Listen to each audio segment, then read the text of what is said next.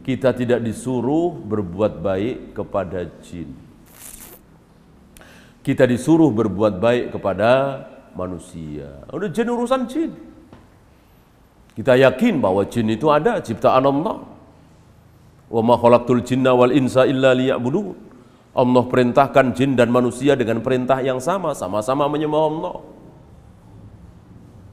Tapi makan mereka, minum mereka, ah, urusan mereka. Kasihan jin hujan-hujan begini, kehujanan, ya. Kita kasih tempat satu dah, kamar kosong situ, ya. Udah nggak usah ditempatin. Jin kan nggak suka kalau nggak kosong. Kosong berbulan-bulan, apalagi bertahun-tahun, ah, jin seneng tuh. Adapun terus ada, jangan. Jin apa nggak suka, oleh karena itu kosongin. Boleh? Tidak boleh. Bahkan Nabi mengancam, Nabi melarang memperbanyak kamar kosong di rumah. Maka Nabi mengatakan satu kamar untukmu, satu kamar untuk anak-anakmu, satu kamar untuk tamu, satu kamar lagi untuk setan. Artinya kalau ada kamar kosong jarang dihuni, ah, di situlah setan senang. Maksudnya jin. Bolehkah? Tidak boleh. Tidak usah kita berbuat baik kepada jin karena memang nggak ada perintahnya. Ya, yeah. ah, bahkan sebelum kita menafsirkan Al-Fatihah dulu, masih ingat antum kita pernah membahas tentang ta'awud. Ta'awud, ya kan? Ada tiga tempat dalam Al-Quran, isinya beberapa ayat, ada yang tiga ayat, ada yang, ada yang empat ayat, itu ada tiga tempat. Yang isinya sama. Apa? Bagaimana cara kita berhadapan dengan manusia jahat dan bagaimana cara kita berhadapan dengan jin jahat. Barangkali antum masih ingat. Jika kita berhadapan dengan manusia jahat, dolim, mencaci, memaki, memfitnah, menjelek-jelekkan kita, menuduh, omongannya nggak enak didengar, ketus, ya. Kita disuruh apa? Berhadapan dengan manusia jahat seperti ini disuruh apa? Eh? disuruh membalas dengan kebaikan. Ya, dia ketus, kita senyum. Dia suudon sama kita, kita husnudon sama dia. Dia caci maki kita, kita puji-puji dia. Walaupun ini berat ya, tapi itu perintah Allah. Perintah Allah. Ya. Idfa' billati hiya ahsan fa idzal ladzi bainaka wa bainahu adawatun ka'annahu waliyyun hamid. Balaslah kejahatan itu dengan kebaikan. Orang yang tadinya benci mati-matian kepadamu nanti akan berbalik menjadi cinta setengah mati. Contoh terbesarnya siapa? Rasulullah wasallam. Apa yang Rasul lakukan terhadap Umar, terhadap Khalid bin Walid, terhadap Amr bin As, terhadap Abu Sufyan luar biasa.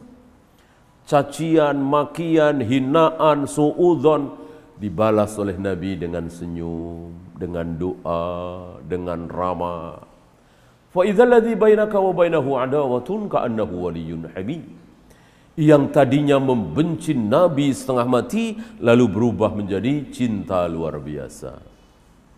Khalid bin Walid, Amr bin As, Abu Sufyan yang tadinya cita-cita terbesar mereka adalah membunuh Nabi sallallahu alaihi wasallam setelah Allah berikan hidayah kepada mereka lewat akhlak Nabi maka manusia yang paling mereka cintai adalah Rasulullah bahkan Abu Sufyan, Khalid bin Walid, Umar bin Khattab, Amr bin As siap mati demi Nabi wasallam itulah sunnahnya ketika kita berhadapan dengan manusia jahat.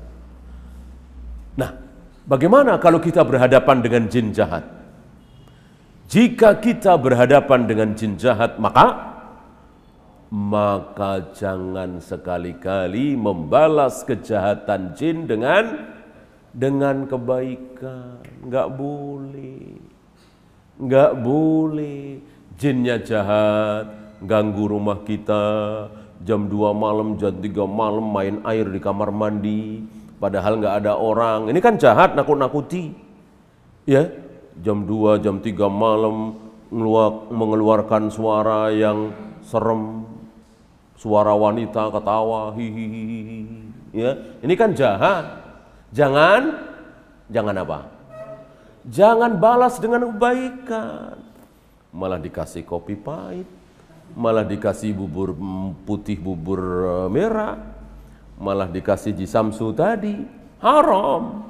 Tidak boleh kejahatan jin kita balas dengan kebaikan, kita balas dengan siksaan. Apa?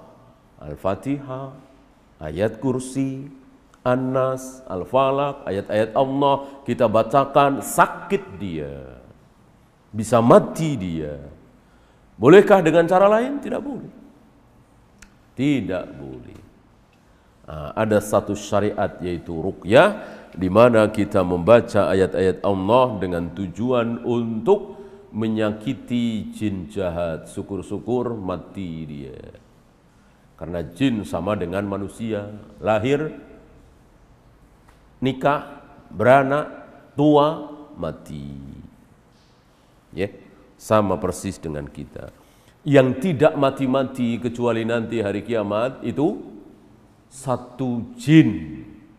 Seorang jin yang bernama iblis. Itu saja. Maka selain iblis, jin-jin itu sama dengan kita manusia. Ada lahir, ada kecil, ada remaja, ada nikah, ada mati, berkembang biak dan seterusnya dan seterusnya. Dan dua-duanya baik manusia atau jin bisa menjadi dua-duanya baik manusia atau jin bisa menjadi menjadi setan. Gitu ya. Jin bisa menjadi setan kalau dia mengganggu, menggoda, mengajak kepada keburukan. Dan godaannya luar biasa bisa masuk ke, ke dalam majrodam aliran darah. Itulah jin jahat setan. Oh begitu juga manusia. Apakah manusia bisa menjadi setan? Jelas. Ah, cuman godaan manusia tidak sedahsyat jin walaupun tentu tidak bisa dianggap enteng ketika teman ngajak maksiat, ketika orang-orang mengajak kepada kemaksiatan, teman sekantor ngajak korupsi dan seterusnya. Ini juga bukan hal yang enteng kan? Ah, dua-duanya setan. Minal jinnati wan nas.